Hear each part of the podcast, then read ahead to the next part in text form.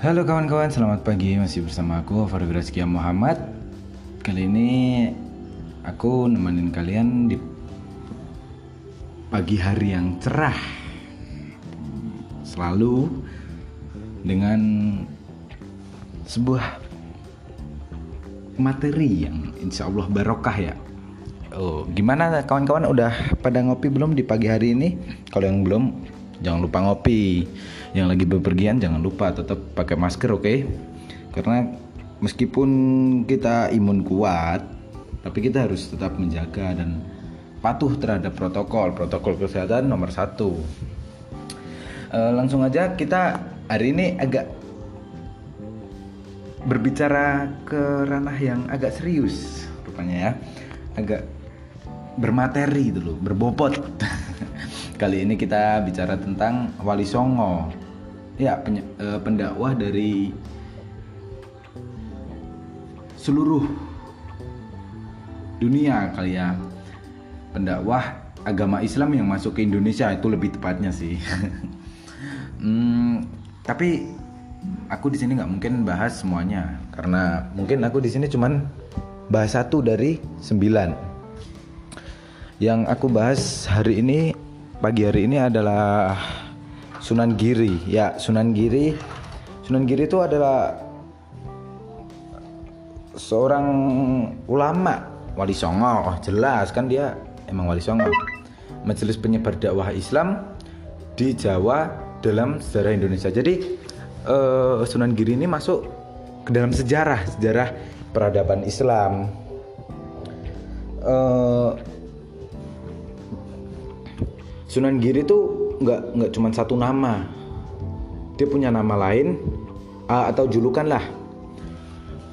Ada yang pertama nih. Nama yang pertama Joko Samudro. Nama keduanya Raden Paku. Dan nama yang ketiga Muhammad Ainul Yakin. Terus nama yang tenar atau yang booming Sunan Giri. Coba bayangin kalau di zaman sekarang kayak gitu. Gimana uh, beliau Sunan Giri harus bolak-balik ke Dikcapil buat pembaruan akte kali ya. Enggak enggak enggak sih. Itu kan zaman dulu jadi nggak ada dukcapil. Jadi aman-aman aja mau ganti nama kapan aja boleh. Misalnya aku nih Alvaro. Kalau aku hidup zaman dahulu nama aku Alvaro. Aku pengen ganti nih. Jadi misalnya uh, siapa ya yang bagus? Prabowo gitu. Eh jangan-jangan bawa menteri juga. Jangan bawa menteri. Nanti kena ITE aduh aku aku takut ITE lanjut. Sunan Giri ini ternyata juga bertatak bertahta ya bertahta. Dia punya tahta sebagai seorang raja dan prabu Satmoto. Sunan Kediri itu memerintah kerajaan Giri Kedaton pada 1487 sampai 1506 lumayan lama juga sih e, memegang kekuasaan tertinggi di sebuah kerajaan. Lumayan lama. Yang berkedudukan di Gresik Jawa Timur. Jadi Sunan Giri ini adanya di Gresik. Bukan adanya sih maksudnya e, membumingnya itu di Gresik Jawa Timur.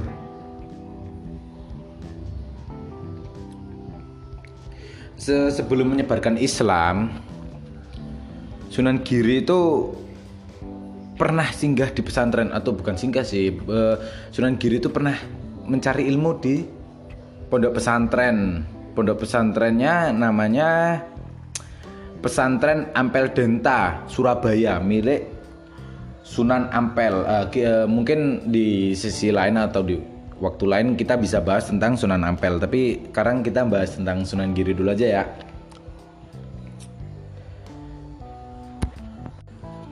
Karismanya sebagai bangsawan juga kian kuat karena belajar dari Sunan Ampel. Seorang penguasa Surabaya. Bayangin aja gimana. Kalian misalnya kalian nih eh, kebetulan kan aku di Semarang. Coba aku berguru atau kalian nih kalian yang di mana itu berguru ke yang megang suatu daerah itu. Kan karisma wibawanya sebagai yang megang daerah itu kan tetap menular gitu kan ya. Pastinya apalagi beliau Sunan Giri nggak main-main terhadap ilmunya. Ilmunya juga subhanallah mungkin ya. Aduh jadi kayak pengajian ini ya. Enggak enggak gitu cuman podcast aja biasa.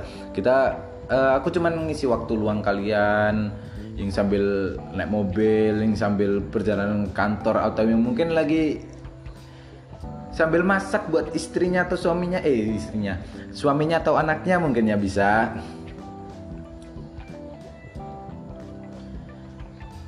Nasab Sunan Giri eh, nasab itu urutan ya urutan dari pendahulunya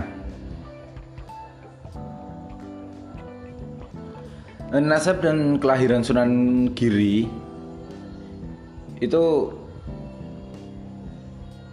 sangat eh, drastis ya mungkin ya. Kalau kalau aku bilang kelahirannya Sunan Giri itu drastis. Aduh, drastisnya gimana? Nih, aku cerita ini. Jadi ibu Sunan Giri ialah Dewi Sekardadu, putri bangsawan Menak Sembuyu dari wilayah kerajaan Blambangan atau Banyuwangi. Nah, Banyuwangi sekarang itu ayahnya adalah Maulana Ishak, seorang mubalik yang datang dari Asia Tengah. Hikayat Banjar menyebutkan bahwa Sunan Giri atau Pangeran Giri masih punya garis keturunan dari Kesultanan Samudra Pasai, Kerajaan Majapahit, dan salah satu kerajaan di Bali. Sunan Giri emang sakti nih. enggak, enggak enggak sakti kayak misalnya kalian pada nonton Kerasakti yang di Indosiar bukan. E, maksudnya banyak ilmu banyak keturunan lah biasa kerajaan-kerajaan kan saktinya beda gitu ya nah nasab Sunan Giri ini sampai ke Nabi Muhammad Shallallahu Alaihi Wasallam dari jalur Husain bin Ali radhiyallahu an Ali Zainal Abidin dan seterusnya gitu. Catatan Sunan eh, catatan Sunan Giri ini diterakan diterakan oleh Sa'adah Balawi dari Hadramaut dan dipercaya sebagai sumber sahih di beberapa pesantren di Jawa Timur. Kalau Mbak Sunan Giri mah kayaknya kita cuma bisa baca terus ter, eh, terkesipu atau terkesima lah, terkesima dengan keberhasilannya gitu ya. Orang hebat gitu. Kisah kelahiran Sunan Giri. Ah, ini dia yang tadi mau diceritain. Kisah kelahiran Sunan Giri bermula dari ajakan Maulana Ishak, ayahnya Sunan Giri, kepada mertuanya Menak Sembuyu untuk masuk Islam. Namun, Menak Sembuyu yang merupakan penguasa wilayah Blambangan di akhir masa Majapahit marah Menak Sumbuyuni marah karena diminta untuk meninggalkan keyakinannya. Akibatnya Maulana Isa diusir. Diusir dari Belambangan pada saat itu. Waktu diusir bertepatan dengan istri Maulana Ishak atau Dewi Sekar Dadu itu sedang hamil. Hamil tua bayangin aja gimana. Lagi hamil suaminya disuruh pergi. Ia nggak tahu ke mana. Dipisah nih sama menak sembuyu. Dewi Sekardadu tinggal di Belambangan Maulana Ishak nggak tahu disuruh pergi ke mana nyari wilayah lain. Karena kecemburuan eh bukan kecemburuan maaf. Eh, karena kekhawatiran Dewi Sekardadu atas suaminya pergi ke mana nih. Saat itu juga terjadi wabah di Belambangan situ. Ah karena wabah terus ke kesedihan ditinggal suaminya. Mungkin bukan mungkin ya Dewi Sekardado itu meninggal meninggal dunia. Dan bertepatan dengan melahirkan seorang bayi.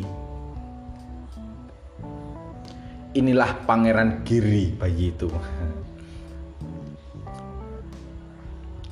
Menak Sembuyu mertua dari Maulana Ishak berkeyakinan bahwa Pak Gebluk itu berkaitan dengan bayi laki-laki Maulana Ishak. Jadi berkaitan dengan Sunan Giri itu yang dilahirkan putrinya Dewa Dewi Dewi Sekardadu.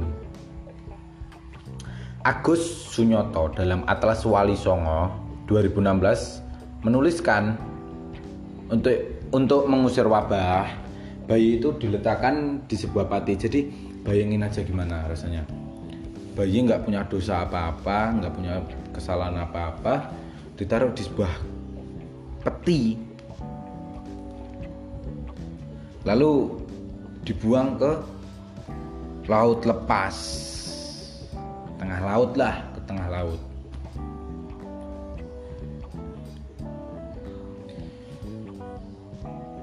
ketika ini peti itu sudah berlayar sendiri ke laut lepas. Kayak kayak apa ya? Kayak mungkin kayak film British of Caribbean. Enggak enggak kayak gitu. Itu kan kapal perompak. Ini peti biasa. Peti bayi isinya bayi. Belum nggak nggak bisa ngomong cuma bisa nangis. Itu tersangkut ke, ke tersangkut ke kapal milik Nyai Pinate.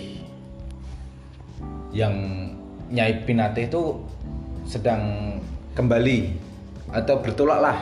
Bertolak bertolak antara kapal kapal Nyai Pinate sama peti bayi Sunan Giri akhirnya diangkat anak. Kan Nyai Pinate ini bayi siapa? Nggak tahu terus diadopsi lah jadi anak angkatnya. Setelah beranjak agak besar Nyai Pinate memondokkan Sunan Giri. Waktu ditemukan sama Nyai Pinate Sunan Giri itu diberi nama. Ini Nyai Pinate pergi ke Dukcapil buat ganti nama Sunan Giri. Enggak nggak nggak nggak sampai ke Jukcapil sih.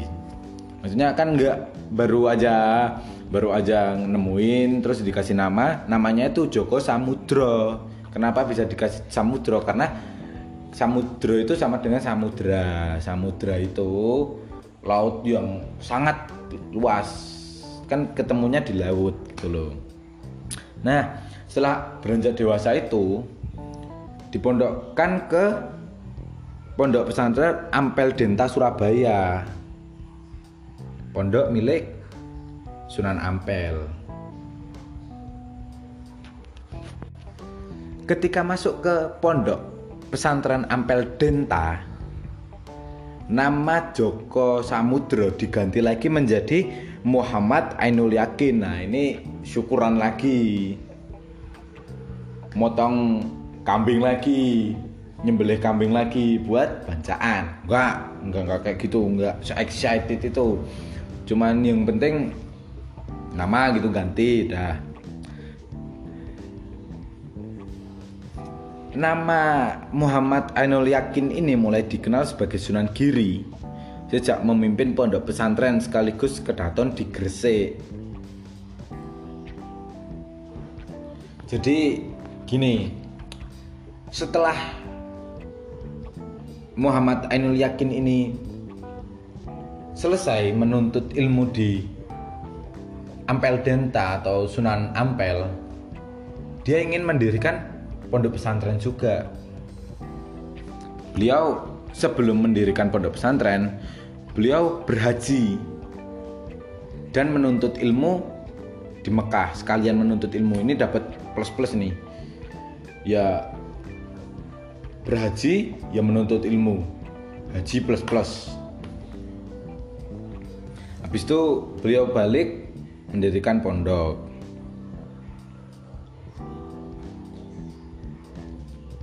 Ajaran dakwah Sunan Giri dan wafatnya Muhammad Ainul Yakin mendirikan pesantren usai menuntut ilmu di pesantren Ampel Denta.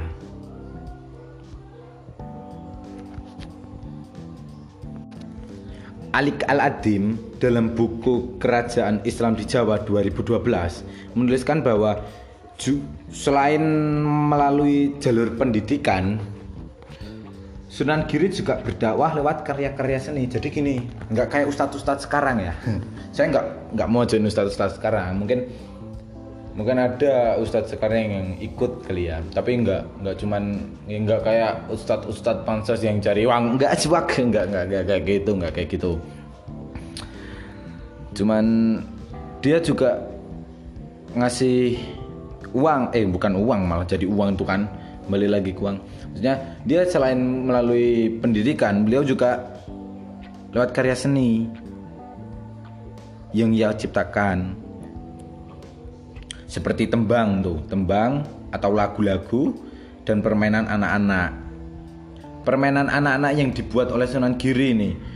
Contohnya jelungan, jamuran, gendigerit dan lainnya.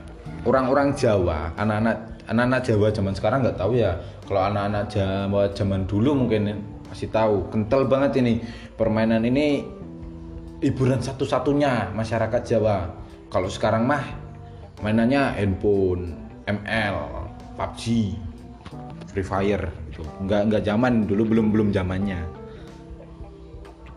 Kalau tembang atau lagu yang di, yang beliau ciptakan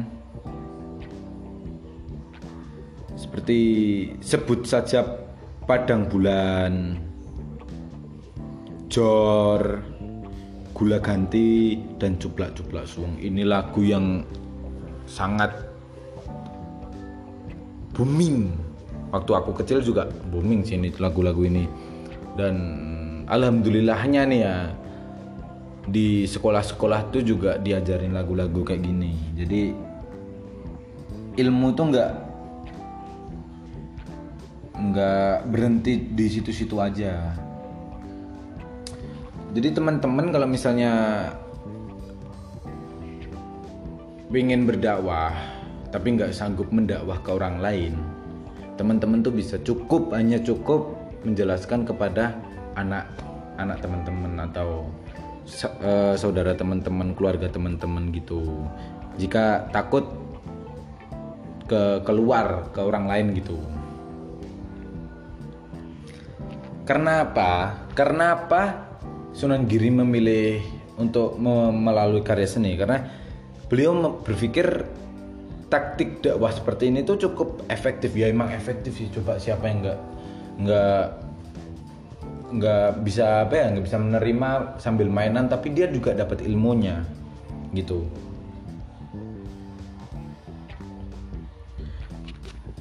Emang aku sih nggak bisa berkata-kata lagi ya terkait Sunan Giri orang yang emang bener-bener hebat menurut aku.